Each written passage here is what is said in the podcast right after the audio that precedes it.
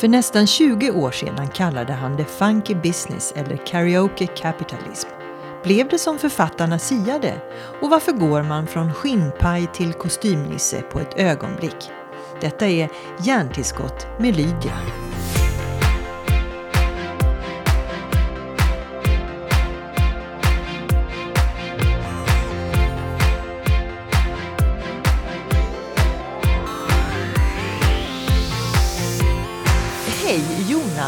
Jonas Ridderstråle och du kan dricka det där kaffet även om jag ska prata lite nu. Tack. eh, du, jag tänkte vi skulle börja eh, faktiskt eh, på eh, bron, höll jag på att säga. Det har runnit väldigt mycket vatten under bron sen de här fantastiska böckerna kom ut, Karaoke Kapitalism och Funky Business. Den ena i början på eh, slutet på 90-talet och den andra på 2000-talet. Makalösa succéer långt utanför Sveriges gränser. Eh, det gjorde du ihop med Kjell Nordström. Varför fortsatte ni inte när det var en sån mega eh, succé faktiskt? Jag trodde du skulle prata om, om Öresundsbron. Alltså bron har ju fått en annan innebörd i vår tid. Men nu var det vatten under bron och det fall. Alltså jag trodde, det, det hade nog kunnat ända upp som ett avsnitt i bron om vi hade fortsatt att jobba ihop. Alltså folk fick väl för sig att Kjell och jag var väldigt lika. Och Ni var ju det, ni såg ju likadana ut. Exteriört var vi väldigt lika, men hade vi varit lika lika invändigt så att säga i hur hjärnan är beskaffad och hur man tänker och funderar. Då tror jag det hade varit skittrist och jag tror det hade blivit eh, eh, mediokra böcker som hade trillat ur det. Vi, vi, vi är ju två väldigt olika människor på insidan med väldigt olika men starka viljor. Och vi försö har försökt ett par gånger att skriva nytt och jag utesluter inte att vi testar igen. Men det har liksom inte funkat. Den där kemin och gnistan och lusten och framförallt eh, lusten skulle jag säga, som fanns där när vi skrev i synnerhet Funky Business, den, den, den, är rätt svår att återskapa. Jag tror inte det är någonting man kan tvinga fram. Alltså kreativiteten eh, är inte beskaffad på det sättet att den kommer om man kör en pistol mot tinningen på folk. Utan det Som måste... ett äktenskap alltså, ni är goda vänner men ni har gått olika ja, håll. nej, men vi valde liksom att istället för att se till att, att, att förstöra vår privata relation, att kunna vara kompisar och umgås och, och ringa och prata med varandra när man är arg eller ledsen eller glad eller vad det nu kan vara. Att, att inte riskera det genom att någonstans sätta det professionella först. Men vi kommer säkert att försöka fler gånger. Om vi lyckas då eller inte, det vet jag inte. Men, men det är kul att testa. Men du Jonas, eh, ja, du måste ställa också den frågan, eh, för ni såg ju likadana ut och idag ser du, har du en lite mer annan look, lite mer vuxen, får man säga så? Kavaj, skjorta, jag har sett på vissa eh, Youtube-klipp när du föreläser har du till och med slips, jag blir mm. helt chockad. Jonas Ridderstråle har blivit stor kille. Ja. Nej, men eh, jag vet, jag vet, inte exakt när det var, men jag vet hur det gick till. Eh, jag kom en dag gåendes utanför NK i Stockholm. Där de, för eh, de av er som inte har varit i Stockholm utanför NK, har väldigt stora skyltfönster. Och när solen ligger på från Kungsträdgården så kan man se sig själv i de där skyltfönstren. Där fick jag syn på mig själv eh, med keps, sån här baseballkeps, skinnjacka, några eh, jeans med hål i och eh, Dr. Martens boots eller något i den stilen. Och så kände jag, men vad fan tror du att du är? Eh, liksom, du är inte 25 längre, väx upp. Så jag gick rätt in på NK och köpte mig en kostym. Det var ett specifikt datum alltså? Ja, du ändrade en, en, stil. en väldigt specifik eh, tidpunkt.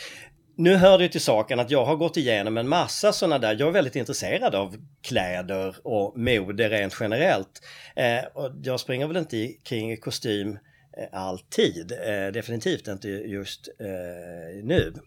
Men det fanns väl något annat som låg bakom det också. Jag började i, ibland få känslan när Kjell och jag får omkring just under den perioden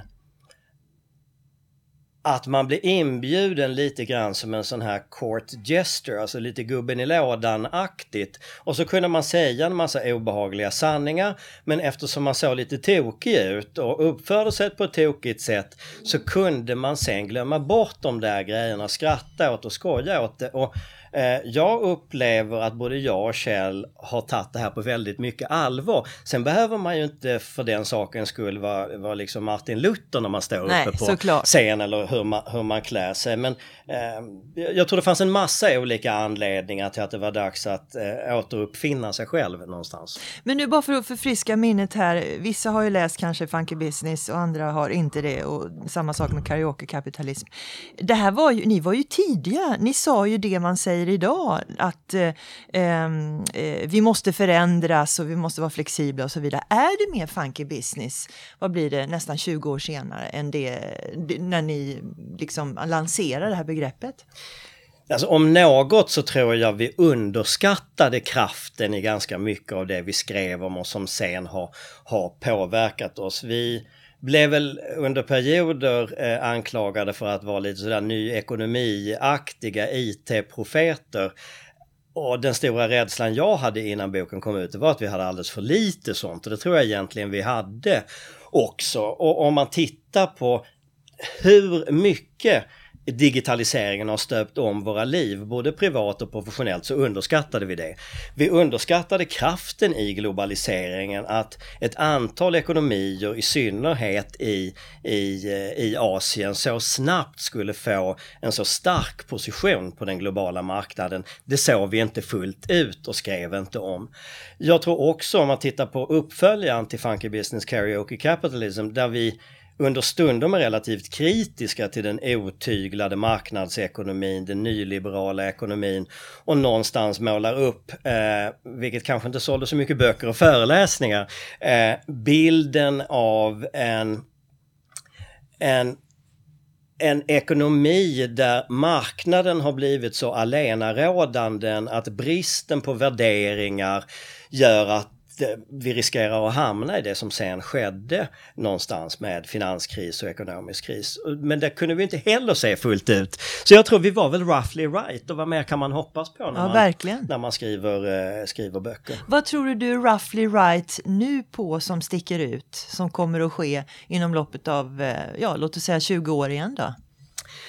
Om man tittar på det jag pratar om idag, det är väl, eh, det är väl någonting som vi har skrivit om i böckerna egentligen hela tiden. Sen har jag skrivit en massa andra böcker efter, efter Funky Business och, och Karaoke Capitalism med andra personer än eh, Kjell. Eh, alltså trenden mot att det blir yngre, mer Asien, mer kvinnligt tror jag liksom, den är där.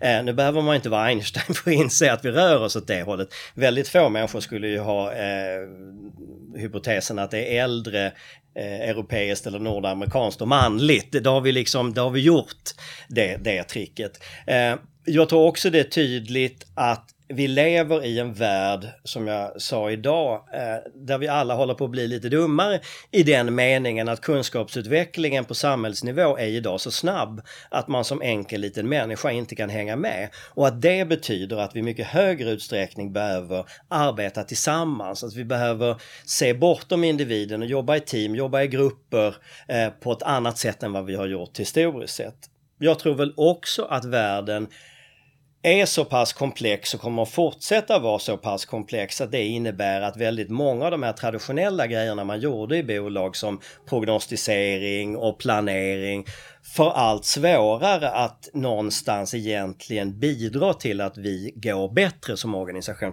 Sen är det väl självklart på det sättet att om man lägger 30 år av sitt liv på att planera så blir man in i helvete duktig på att planera. Det finns väl en lärkurva där också. Det är bara det att den där planen kommer göra allt mindre med verkligheten att göra det. Eftersom den är så föränderlig. Ja, alltså i samma stund du har gjort en budget eller i samma stund du har satt upp en plan så måste du ju revidera den eftersom saker och ting förändras med så hög hastighet i, i vår tid. Jag minns när, när jag skrev min avhandling för väldigt många år sedan så skrev jag bland annat om Electrolux. Och Electrolux köpte ju på, på 70-talet ett bolag Gränges Eh, och eh, när de skulle upp och träffa företagsledningen där så förtäljer historien att de kommer upp och då är det innan jul och då har ledningen i Gränges fått årets julklapp som var en sån här gammal papperskalender, den som mot slutet av året var dubbelt så tjock för man hade behövt tippexa så mycket i den för saker och ting började ändra sig. Men då på 70-talet hade de fått en sån och i den var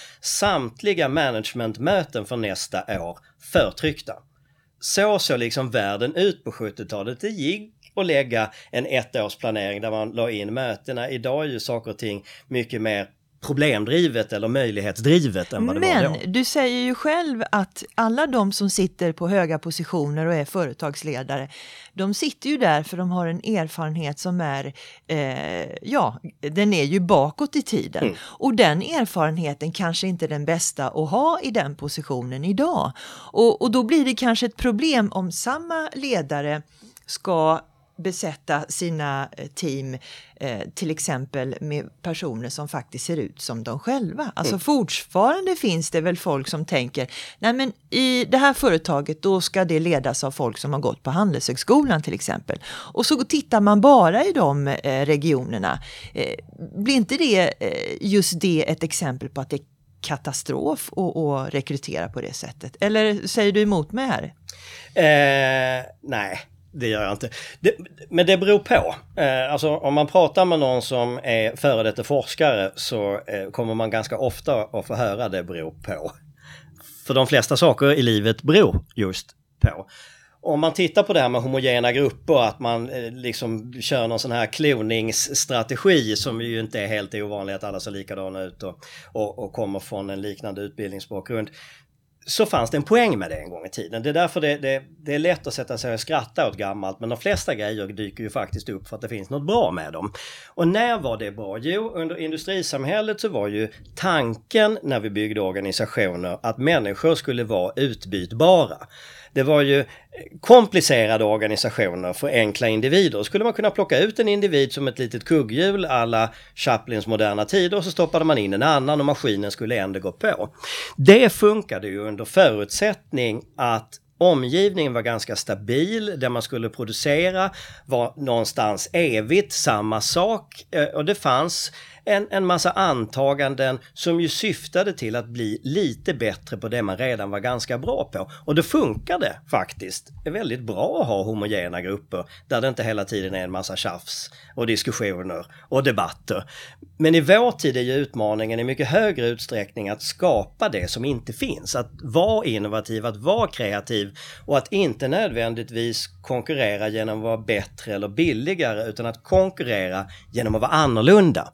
Och då ställs det helt andra krav på mångfald, olika idéer, olika perspektiv och samarbete, vilket eh, är, är, inte minst viktigt. Så jag har rätt att det blir lite katastrof om man bara tittar inom samma region för att rekrytera eh, ledare, eh, till exempel bara från en typ av skolor eller så? Ja, fast det beror också på.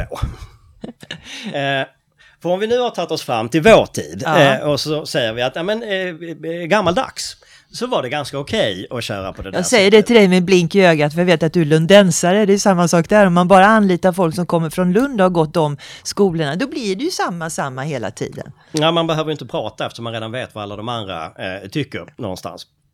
Men om vi nu är idag och så säger vi, ska vi, ska vi satsa på mångfald eller ska vi satsa på enfald? Om vi hårdrar det hela lite. Och då säger jag det beror på. Och det beror lite grann på vilken typ av bolag vi vill bygga. Och någonstans om vi kikar runt på jorden just nu så finns det två lite olika system kan man säga för hur man bygger ekonomisk tillväxt. Om vi kikar på Silicon Valley som jag tror de flesta känner till borta i Kalifornien där många av de här IT-bolagen har, har växt upp de senaste 20-25 åren så ser Silicon Valley väldigt annorlunda ut mot det vi är vana i Sverige. I Silicon Valley så har man en väldigt hög företagsmortalitet, det vill säga föd eh, företag föds och dör med en enorm hastighet där borta. Och ett företag där kanske fyller sitt syfte genom att finnas under en 5-10 år. Man exploaterar den där idén som gjorde att man startade ett bolag och sen försvinner det där företaget. Och de människorna som var med där, ja de går sen ut i den där Silicon Valley-miljön och så ser de om de hittar någon annan och startar ett nytt bolag med. Det där blir ju otroligt stökigt om man tror på ett antal grejer som anställningstrygghet som vi har haft i Sverige, om man tror på livslång anställning som man har haft i Japan och även vi i Sverige. Det blir också lite kladdigt om man vill hålla en väldigt låg arbetslöshet konstant eh, eh, och, och förlita sig på att det ska finnas någon form av eh, allians mellan staten och kapitalet som har varit den svenska modellen. Vi har istället valt att bygga stora företag som finns över en lång tidsperiod och som någonstans måste ha dynamiken inom sig. Så i Silicon Valley har vi dynamiken i det där klustret där alla de där människorna och bolagen finns. I Sverige så har vi valt att bygga in dynamiken i företaget så att om det går bra för Electrolux eller det går bra för Volvo så går det bra för Sverige. Och i Silicon Valley tror jag man kan eh, klara sig med ledningsgrupper där det är relativt mycket enfald. Det vill säga att man behöver inte vara så olika om man nöjer sig med att exploatera den där originalidén och sen komma med nya varianter på den. Medan i Sverige där måste vi ha in mångfalden i våra bolag. För det är det, bolaget måste överleva för hela vår ekonomi historiskt sett bygger på det. Sen får vi väl se, för nu börjar ju Sverige också se lite annorlunda ut med alla de här unicorns som dyker upp om vi kikar på, på Skype eller Spotify eller King eller vad det nu är än må vara. Och hur de kommer att bete sig, det vet vi ju inte riktigt ännu. Alltså kommer de att anamma den gamla svenska modellen från våra stora multinationella bolag som de flesta av dem är över 100 år gamla? Eller kommer de att vara mer som de här Silicon Valley-företagen? Eller blir de någon form av hybrid? Och det får väl framtiden utvisa. Du står sig Sverige bra i konkurrensen när det gäller eh, vi kan ta titta både på Kina och USA. Va, vad, är, vad är vårt starkaste kort? När vi är så små och när vi ändå trots allt eh, kan skapa så stora kända företag? Jag tror vi har ett par grejer som, som gör att man kan se framtiden an med viss tillförsikt. Jag, jag är, är eh, oroad över vissa saker här hemma men jag är också väldigt trygg i att vi har ett, sak, ett antal grejer med oss som gör att vi kommer fortsätta lyckas eh, internationellt eh, i den konkurrens som växer fram. Jag tror för det första så det faktum att vi är små innebär ju att eh, för oss är resten av världen väldigt viktig. Vi definierar resten av världen som det mesta. Och eh, ska man som svenskt företag växa så tar det väl ett, två, tre år, sen har man klarat av hemmamarknaden och sen är det dags att ge sig ut. Och det har vi gjort sedan slutet av 1800-talet. Eh, så vi har en enorm erfarenhet av att faktiskt göra affärer utomlands. Jag tror med litenheten så följer också att vi vi förstår varför människor har två öron och en mun och inte ett öra och två munnar. Vi, vi är rätt duktiga på att ta till oss och lyssna och anpassa oss och respektera andra kulturer och andra värderingar. Jag tror vi är betydligt bättre på det när vi gör affärer internationellt än vad vi är på att lyssna, respektera och ta till oss de kulturerna när människor från de länderna kommer hit. Jag tänkte ju säga det att i den här globaliseringen så växer ju ännu mer den här kraften att vilja bevara eh, den lilla kultur som eh, vi ändå är i, i det stora hela. Va, vad kan det här få för konsekvenser i företagandet? Ja men det finns ju fortfarande väldigt mycket av det svenska kvar. Om man tittar på ett företag som Ikea så bygger det ju i väldigt hög utsträckning på på ett antal idéer och principer som genomsyrar både den svenska kulturen historiskt sett men också det svenska samhällsbygget. Jag har ju väldigt svårt att se IKEA utan folkhemmet. Jag har väldigt svårt att se IKEA utan den typ av skattesystem som vi har i Sverige. Varför var det så fiffigt att ha privatpersoner som skruvade ihop de där möblerna? Jo, för vi hade marginalskatter som gjorde att om man skulle ha arbetare att skruva ihop dem så hade det blivit ohyggligt mycket dyrare än när vi eh, kunde skattefuska genom att skruva ihop. Så hela Ikea, Ikea som idé är en skatteplaneringsidé? Nej, men jag tror alltså alla, alla idéer, alla företag, alla organisationer, alla individer växer ju fram ur en mylla och den svenska myllan har varit väldigt bra för ett antal saker. Vi hade ju en explosion för lite drygt 100 år sedan med en väldigt med den tidens mått med högteknologisk innovationsskaparkraft. Där många av våra bolag som fortfarande finns kvar, eh, AGA och SKF och så vidare växte fram för vi hade tidigt genomfört en folkskolereform i Sverige som gjorde att kunskap blev tillgänglig inte bara för de mest välbärgade utan eh, också för, för, för folk som du och jag höll jag på att säga. Ja. För, för, för vem som helst. Och den tror jag eh, var otroligt viktig att vi hade den skolreformen tidigt. Den där skaparkraften finns nog i Sverige och kanske har det någonting att göra med och det är väl synd att säga för det här är ju då en av de absolut vackraste veckorna i maj någonsin under min livstid. Men i övrigt så är det här ett land som är relativt kargt. Det är mörkt, det är kallt, det är hemskt och man misstänker ju att de som kom hit efter istiden måste ha tappat kartan eller så blev hon eller han som visste vägen tillbaka förkyld och dog liksom. Det är ju inget ställe som man vill vara på egentligen men det har nog tvingat oss att vara innovativa, att någonstans kunna tämja naturen. Det faktum att vi har varit så få människor här Givet att det är ett väldigt stort land tror jag har gjort att vi har behövt bry oss om varandra. Vi har behövt samarbeta och man har inte kunnat behandla människor runt omkring lika jävligt som man har kunnat göra i länder där befolkningen har varit mer av en obegränsad resurs. Sen försvann ju den där skaparkraften under, under en ganska stor period i den svenska samtidshistorien. Det är väldigt få bolag egentligen, om vi tittar 1920 fram till för bara 15-20 år sedan, ja, det Ikea, Hennes och Mauritz och ett antal till. Men det fanns en, en stelhet, stelhet i det svenska systemet med en stark stat, begränsade ägarsfärer och där kapitalet inte var lättillgängligt och du behövde mycket kapital för att starta industriföretag. Men när vi väl börjar avreglera marknader, när väl kunskap börjar bli den kritiska resursen, så har vi ju sett det där experimenterandet återigen ta företagarformen eller den ekonomiska formen. Experimenterandet innan dess när man frågar folk runt om i världen, det var ju mer med sex och sprit. Det var liksom, det var den kanalen som folk valde, åtminstone om man frågar folk i andra länder, under 60 och 70-talet och det var det vi blev kända för. Det här är väl ett exempel på att Sverige om något har varit innovativt vi har anpassat oss i vår litenhet och i, uppe i den karga eh, delen av planeten så har vi fattat grejen och den ena enorma förmögenheten efter den andra skapas på löpande band nu i den digitala barndomen som vi faktiskt är i. Eh, och då kommer vi in på en annan sak och det är kapitalism. Eh, vad händer med kapitalismen när några blir ofantligt berömda? Och till och med samma berömda, förlåt jag menar förmögna, jag berömda också för den delen. Ja, det tenderar att gå hand i hand det där. Det vet vi ju inte riktigt. Alltså det, det, det vi vet om man, om man eh, får lov att vara lite teoretisk. Så, så var det ju den skotske nationalekonomen Adam Smith som på 1700-talet skrev det som väl är bibeln för de som är liberaler. En bok som heter The Wealth of Nations.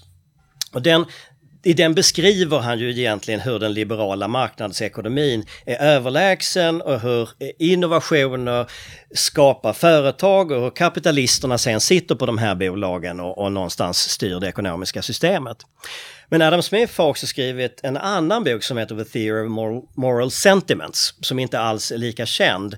Men jag tror att man måste läsa de två böckerna ihop om man ska bli något klokare på vad händer med kapitalismen.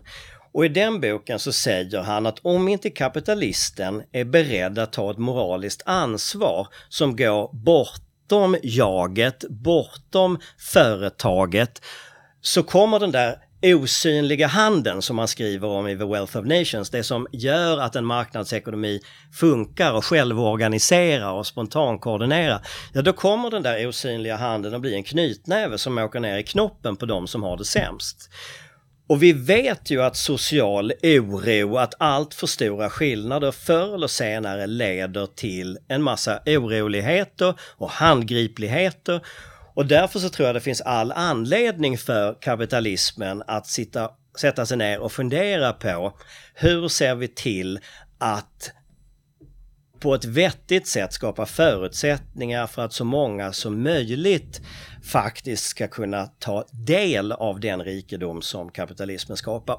Men då måste... gäller det Jonas att vi pratar om att det är the good guys som blir riktigt förmögna och inte kanske någon eh, elak oligark. Eh, att man, det är lite lotteri här vilka som kan eh, påverka världen åt rätt håll. Ja, samtidigt så, så tror jag att man måste, om man ska komma till rätta med det hela, och det är klart att man kan ställa sig upp på barrikaderna med plakat och så kan man demonstrera och tycka att det här är orättvist och, och hemskt. Men om vi ska komma till rätta med det så tror jag man måste också försätta sig i positionen där man ställer sig frågan hur gör vi det attraktivt för de människor som är väldigt rika i vår tid att vara med och bidra när vi lever i en värld där de inte alls behöver det. Eftersom vi har avreglerat och de kan röra sig över i princip hela jordklotet och pengar kan flyttas idag med ett knapptryck. Hur gör vi för att få Bill Gates att starta den fond som han har gjort tillsammans med sin fru Melinda? Hur gör vi det attraktivt för människor att vara med och bidra till en bättre skola, till en bättre sjukvård? Vad är svaret då? Jag vet faktiskt inte. Uh, Men det känns som det finns ändå en naturlig tendens att när man har byggt upp ett företag och en förmögenhet det, det, det verkar vara, ligga ändå rätt nära till hands att den här stora egoismen som fanns förr i tiden när industrirevolutionen kom, så den är lite borta nu, den är lite omodern. Alltså på sitt sätt så fanns det väl rätt goda anledningar historiskt att vara med och bidra eftersom på den tiden så var ju platsen så mycket mindre och hade man den där fabriken som spydde ut en massa skit och det blev en massa sjukdomar bland arbetarna så bodde man ju själv i allmänhet rätt nära så man kunde ju bli smittad. Så det fanns liksom ett egenintresse. Idag så ser väl kanske inte solidaritet och lojalitet ut på det sättet utan det skär mycket mer över geografiska gränser. Men jag kan väl tänka mig att om man håller på och svartmålar människor som tjänar en massa pengar, Eh, ja då blir väl inte de så himla himla sugna på att vara med och bidra. Men jag måste säga en sak som har förvånat mig positivt de senaste åren. Det är att när jag är runt och träffar storföretagsledare, oavsett var jag är i världen när jag träffar dem, så får jag känslan av att politikerna de senaste åren har haft så många andra frågor att bry sig om. Eh, det har varit finanskris och det har varit tilltagande nationalistiska strömningar. Att en rad frågor som är väsentliga som inte försvinner, till exempel miljön. De har inte riktigt politikerna hunnit ta tag i, men nu går faktiskt näringslivet självmant in och säger om inte politikerna kan fixa det här, om Trump hoppar av överenskommelser som finns, då får vi, vi måste gå in och ta ett ansvar. Och att företaget idag har ett ansvar bortom ett rent aktieägarvärde och ett rent aktieägarperspektiv tycker jag är ett första ganska viktigt steg på väg mot en annan typ av kapitalism. Kan det vara så att i modern tid, för första gången, så är politiken inte lika viktig, kanske mindre viktig än näringslivet? Kanske.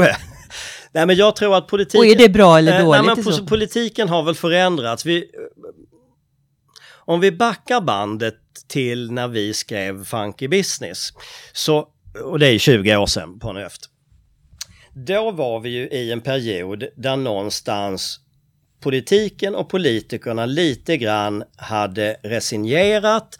Marknaden höll på att ta över. Det är liksom post Reagan, post Thatcher och näringslivet kör den där skutan. Sen blev ju det första svaret från politikerna att börja bygga de här stora strukturerna som gick över nationalstaten är ju som vi eh, går med i ganska sent, det är ju ett sånt tidigt svar. Men om man kikar på statens andel av BNP, som är ett ganska bra mått tycker jag på hur pass viktig staten är i förhållande till annat som bidrar till ekonomin, så krympte ju det väldigt tydligt under en lång period. Sen förändras läget eh, och jag tror att det har en del att göra med att vi efter att muren föll hade en period där vi trodde att, att det kalla kriget var över, att det inte längre skulle vara några stora väpnade konflikter. Men allt det kom ju på skam. Dels i samband med att det dyker upp privatarméer av typen Al-Qaida och IS och det blir ett terrorhot. Men också på grund av att vi har sett ökade spänningar mellan Ryssland och, och, eh, och västvärlden under, under den senaste tidsperioden. Och då, då får ju staten återigen mer av ett existensberättigande men då blir det den gamla typen av stat som vi hade under medeltiden, det vill säga någon sån här nattväktarstat liksom där det handlar om att bygga upp ett stort försvar.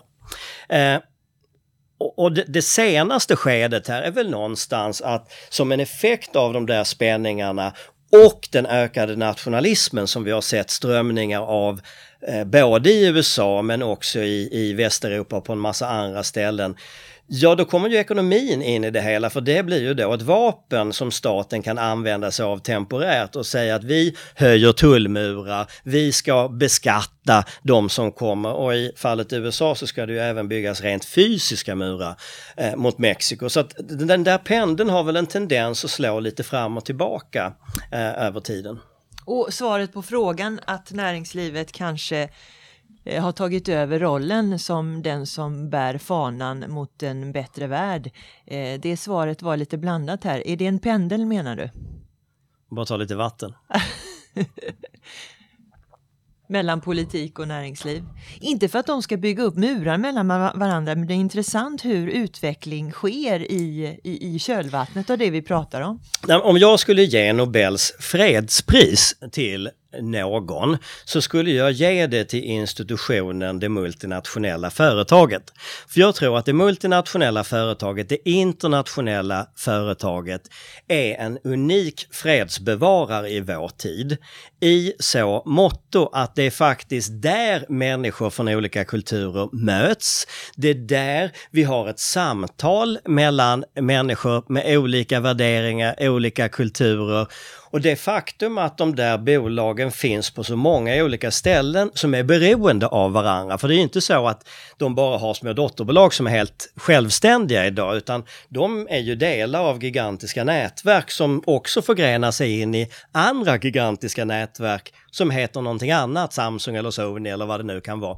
Och det i sig tror jag är eh, en fredsbevarande grej. Så att ju mer Eh, ju mer integration vi får av den globala ekonomin, desto bättre tror jag det är sett utifrån ett sånt här politiskt spänningsperspektiv. Så då, då finns det väl anledning att oroa sig om vi ska röra oss i den riktning som Trump föreslår, det vill säga att vi ska klippa de där banden över gränserna i högre utsträckning än vad vi har sett. Låt oss hoppas på innovativa ledare som gör precis det du säger. Ja, och eftersom jag då hävdar att kvinnor kommer att i högre utsträckning dominera näringslivet så tror jag att vi kommer att se mer av relationsbyggande eh, över, över, över um, den framtid som vi kan åtminstone blicka in i. Fattar alla det, att kvinnliga ledare kommer bli mer vanliga? Nej. Alla vill inte fatta det. Det är väl på det viset att om man tittar rent generellt över människans historia så har det faktiskt blivit bättre. Därför finns det anledning att vara optimist, eh, tror jag det kommer att finnas hack i kurvan men över tiden eh, så har det blivit bättre. Världen var inte bättre på 50 eller 60-talet. Världen var inte bättre på 1700-talet. Världen har aldrig varit så bra som den är nu. Eh, men det kommer ju hela tiden att finnas nya vinnare och nya förlorare. Om man tittar på eh, kreativa städer, tittar på London, tittar på Boston och vad de har gjort med gamla industristäder som Manchester och Detroit. Detroit var ju kungan, kronan på verket i hela det amerikanska näringslivet där bilindustrin växte fram. Idag är det en spökstad. Så att om man inte är beredd att vara med och leda och driva den här förändringen, om man inte tar en aktiv del i det, om man inte har förmågan att anpassa sig, så kan naturligtvis framtiden te sig som djupt obehaglig eh, eftersom det ställs så stora krav på det. Men sker det här eh, kvinnliga ledarskapet naturligt menar du nu? Eller är det någonting som eh, eh någon måste driva? Alltså jag vacklar lite där, för ibland så kan jag känna att det nog är så att vi behöver skydda människan mot människan. Och I det här fallet så skulle det innebära att man kör kvotering för att människan kommer att kämpa emot. Å andra sidan så kan man ju med den typen av förfarande landa i en fiktion, det vill säga att det är så lätt att skylla ifrån sig på att ja, men det här beror bara på att det finns, finns kvotering. Så jag, jag har inte riktigt kunnat bestämma mig för vad jag, vad, vad jag är i den frågan. Däremot så tror jag att män i vår tid, eh, som en också i, i, i, i, som en del av metoo rörelsen här så är det klart att man som man rannsakar sig och det är väl sin sak att eh, fundera på hur man som man uttrycker sig och hur man som man agerar. Men jag tror också att man, man får inte som... glömma heller alla hens som ligger någonstans mitt emellan och det pratar vi inte om utan vi pratar ofta män och kvinnor egentligen. Nej, alltså det är väl en, en, en gradskala det där, mycket mer än att det är binärt. Men jag tror att som man om man nu är det, eller får kalla sig för det, så har man faktiskt en uppgift i att ta ett steg tillbaka. Jag tror att, att framsynta manliga företagsledare i vår tid eh, faktiskt eh, skulle behöva ta ett steg tillbaka. Och många av dem tror jag kommer att göra det nu. Sen är det väl synd att det ska behöva gå så långt som det har gått och att människor ska sitta och må så dåligt eh, över det eh, som, som uppenbarligen många har gjort. Och det är väl ingen överraskning annat än för, för ett litet antal tror jag att, att det har sett ut så här. Tack Jonas Ridderstråle. Tack.